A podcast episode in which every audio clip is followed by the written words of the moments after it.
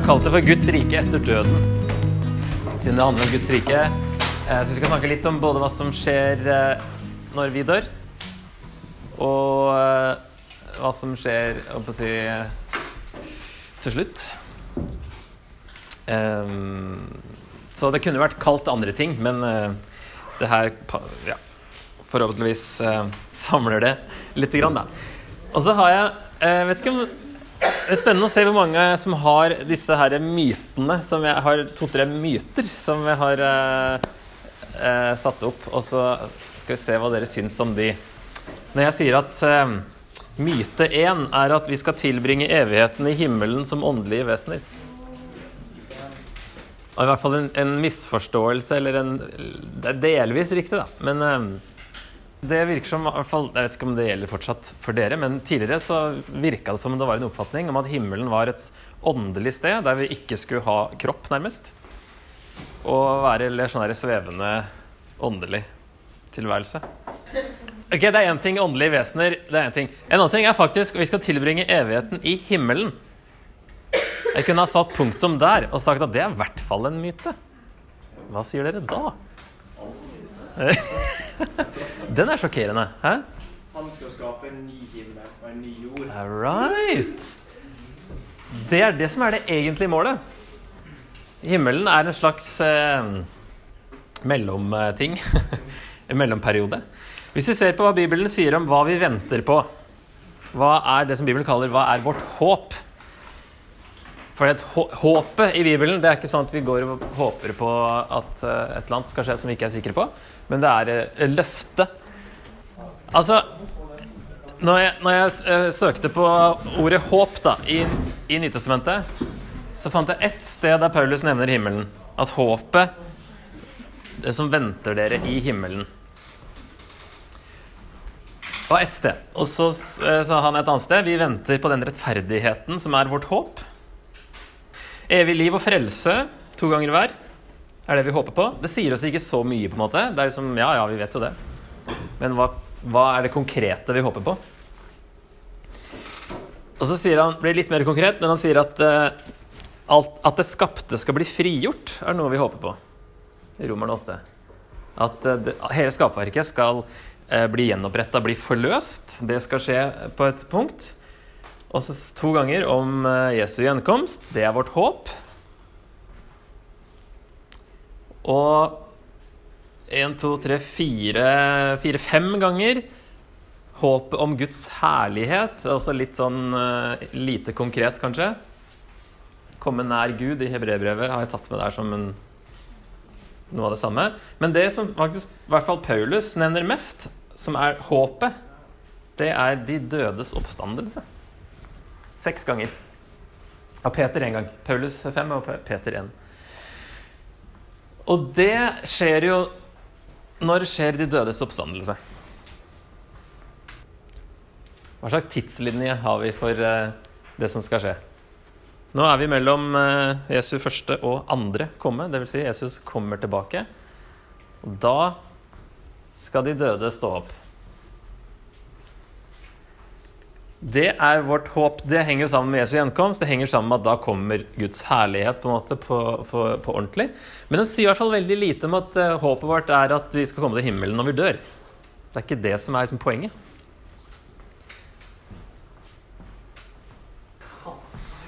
Så Poenget var egentlig bare å vise at det ligger et lite tyngdepunkt da, på de dødes oppstandelse, som nå for så vidt som sagt henger sammen med Jesu gjenkomst og kanskje Guds herlighet òg. Og at, at det ikke er eh, veldig mye snakk om at vi skal til himmelen, og at det er eh, poenget. I trosbekjennelsen, hva er siste, siste linja i trosbekjennelsen? Ja. Jeg tror på legemets oppstandelse og det evige liv. Og jeg husker for lenge siden snakka med en um, Altså, når man vokser opp i en sånn ikke, um, ikk- Altså utenfor en menighet som ikke er Den norske kirke, så, så kan man kanskje lett tenke at trosbekjennelsen er noe som kirka har funnet på. Og at det er tørt og kjedelig og teit. Sånn at mange eh, mer karismatiske menigheter har ikke en sånn, i hvert fall ikke en sånn eh, ukentlig oppramsing av trosbekjennelsen. Så han, eh, kompisen min her, han sa liksom at eh, ja, de eh, i eh, statskirka, da, som det var den gangen, har jo et problem, for de tror jo på legemets oppstandelse. Så tenkte jeg i ettertid at eh, nei, det er ikke de som har et problem. Det er de som ikke har skjønt at det er det det dreier seg om, som har et lite problem. Som tror at det ikke skal Altså, ja, at de dødes oppstandelse Jeg vet ikke hva han tenkte, men det var i hvert fall ikke noe fokus i hans eh, tradisjon på at eh, det skulle skje. At kroppene skulle stå opp igjen.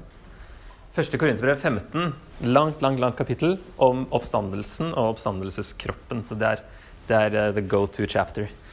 1. Korinter 15, der Paulus forklarer det her med de forskjellige En jordisk kropp og en himmelsk kropp, og hvordan det henger sammen. Den jordiske kroppen råtner jo i jorda. Det gjør den. Ja. ja. Og Jesus, den første som hadde da denne oppstandelseskroppen når han sto opp igjen, den var For det første så var den jo fysisk. Man kunne ta på Jesus. Men han kunne òg forsvinne og gå gjennom låste dører og, og sånne ting. Og man kunne kjenne ham igjen, og man kunne ikke kjenne ham igjen. Så det var noe som var likt, og så var det noe som var nytt. Um, så det er fascinerende. Men målet er i hvert fall den nye jord. Og noen vers som snakker om det, kanskje de hovedversene som snakker om det, da, er slutten av Jesaja. Se, jeg skaper en ny himmel og en ny jord. Ingen skal minnes de første ting, ingen skal tenke på dem. Og Jesaja 66, det er tredje siste vers i Jesaja. For slik den nye himmel og den nye jord som jeg skaper, alltid skal bestå for mitt ansikt, sier Herren, slik skal deres ett og navn bestå. Og andre Peter siterer dette, eller i hvert fall henviser til det. Etter hans løfte venter vi på en ny himmel og en ny jord, hvor rettferdighet bor. Og åpenbaringen 21.1. Jeg så en ny himmel og en ny jord, for den første himmel og den første jord var borte, og havet fantes ikke mer. Det er nok et bilde, det også. Så det eh, Det som har skjedd, ser ut som å være at dette med himmelen da, har eh, erstatta den nye jord. Eh, eh, på Wikipedia Jeg husker faktisk ikke hvilken artikkel på Wikipedia, for det her fant jeg for eh, i fjor en gang. Men det står i hvert fall at eh, vektleggingen på sjelens udødelighet i himmelen i stedet for de dødes oppstandelse fortsetter i det 21. århundret gjennom populær karismatisk og evangelikal forkynnelse. Jesus blir ofte omtalt som veien til himmelen, og i personlig eskatologi, altså endetidslære, er spørsmålet som regel om en person kommer til himmelen eller ikke når de dør, framfor hvordan det vil gå med dem i de dødes oppstandelse. Er det Har dere Altså, jeg merker jo at vi veldig ofte snakker om uh, at vi skal til himmelen, at vi kommer til himmelen og Det er jo det vi ofte snakker om, er det ikke det? Altså, vi har blitt veldig Det er spesielt kanskje det siste siste århundret, da. At eh, det ble mye fokus på det, og at det er sånn vi snakker. Og så glemmer vi at det er en oppstandelse fra de døde, og at det er den nye himmel og nye jord som er egentlig målet. Vi er veldig sånn oppflaska på det her med at sjelen eh, overlever og um, eh, har sin egen tilværelse, holdt på å si. Eh, det er egentlig en veldig gresk tankegang, det her med den dualismen, da, en sånn todeling, som eh, grekerne tenkte vel Altså Platon, egentlig helt fra Platon, med, med det åndelige og det kroppslige, at eh, målet, som man nevnte her, målet med bare bli fri fra kroppen, ikke sant? at sjelen er det egentlige jeg, da.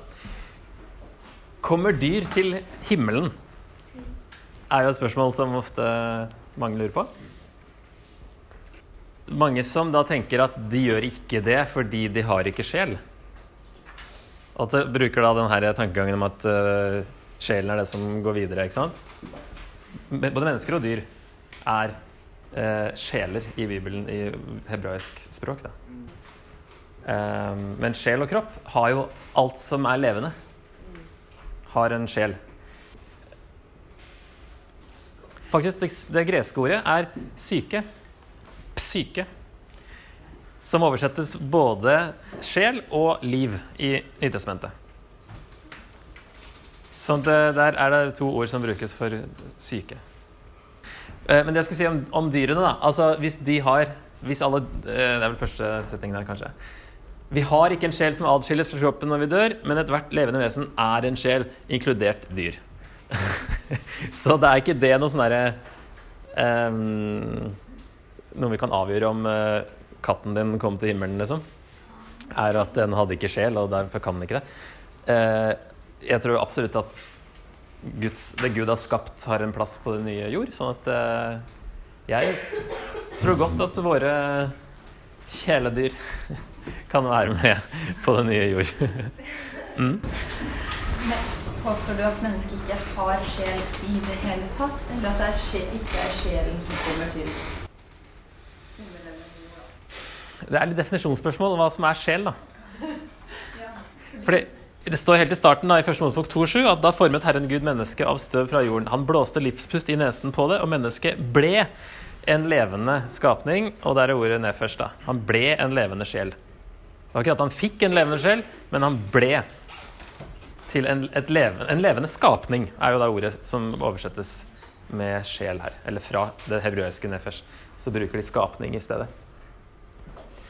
Så det er egentlig bare litt poenget her, at, uh, for å knuse enda en myte, kanskje, at uh, sjelen ikke er en sånn separat ting som uh, adskilles, og at kroppen aldri har noe mer funksjon, for å si det sånn, da. Selv om den råtner, så skal den stå opp igjen. Da har jeg noen vers som vi kan se på hva Paulus sier om det her, hva som skjer når vi dør. Det er de stedene han snakker om det. Um, gå gjennom de versene her og se hva slags inntrykk får vi av Det er ikke bare Paulus her, da, det er også Jesus i Lukas 23 her. Uh, hva slags inntrykk får vi av det som skjer når vi dør? I de versene her. Er vi hos Gud i himmelen, eller ligger vi i graven og sover?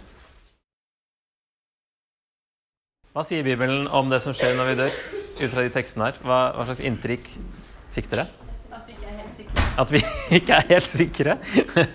ja? At vi skal være med, med Kristus? Mm. Men det sier ikke helt på hvilken måte. Enten vi våker eller sover, er det det i 1. Tessaloniker 5?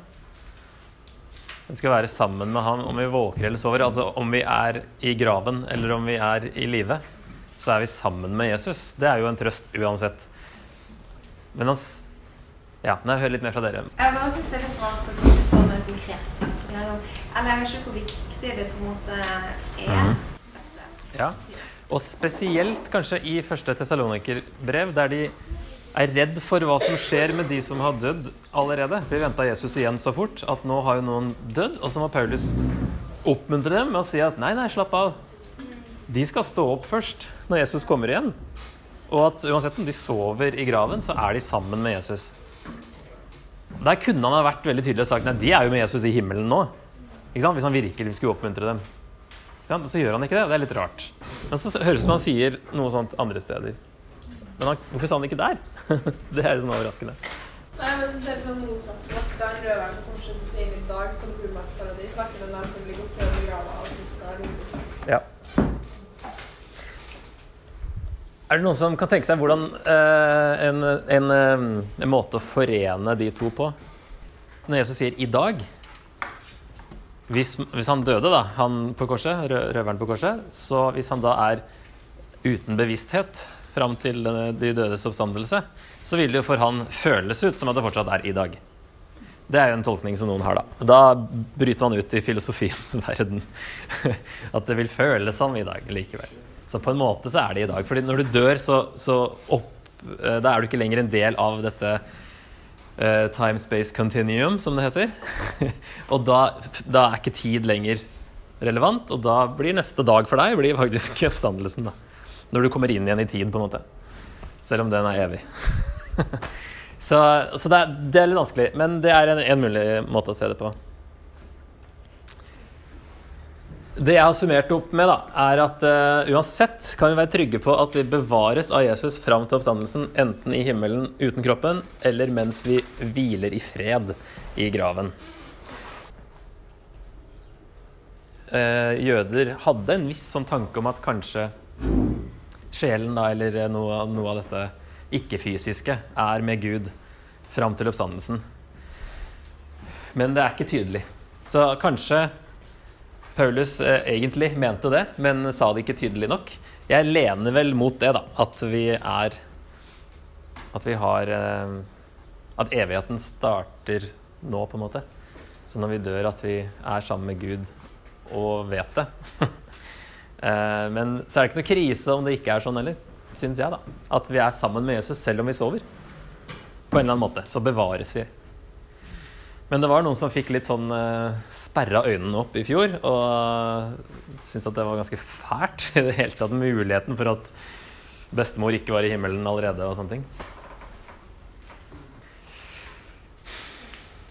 OK. Er det noen kriser? Men vi har ikke kropp i himmelen. Nei. Hvordan eh, det Ja, for der, kommer litt av det som vi snakka om i stad. At vi ser for oss det som en eh, åndelig tilværelse, fordi vi har ikke kropp der. Men så er det ikke det som er målet. Det er fram til oppstandelsen i så fall. Og etter det så har vi en kropp. Mm. Ja.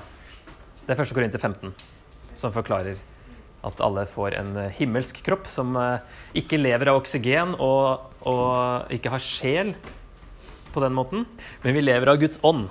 Men det betyr, at, det betyr ikke at det er en åndelig kropp, men det er en kropp som lever av ånden. Og derfor kan den leve evig. Så når Paulus snakker om i noen av deres bibler, så snakker han i 1. Korinterbrev både kapittel 2 og 15 om det sjelelige mennesket. Det betyr egentlig et menneske som ikke har Guds ånd, og det vil si egentlig alle mennesker, fordi de har sjel. Ehm, så der, der lager han en forskjell på det sjelelige mennesket, det er liksom alle mennesker, mens det åndelige mennesket er det som har Guds ånd. Og så en kontrast mellom det sjelelige kroppen og den åndelige kroppen. Det er veldig komplisert når vi tenker at sjel er noe annet enn kropp. Hva er en sjelelig kropp hvis det er en todeling? Og, men så, nå har dere i hvert fall sett på materialet, så kan dere gjøre opp deres egen mening.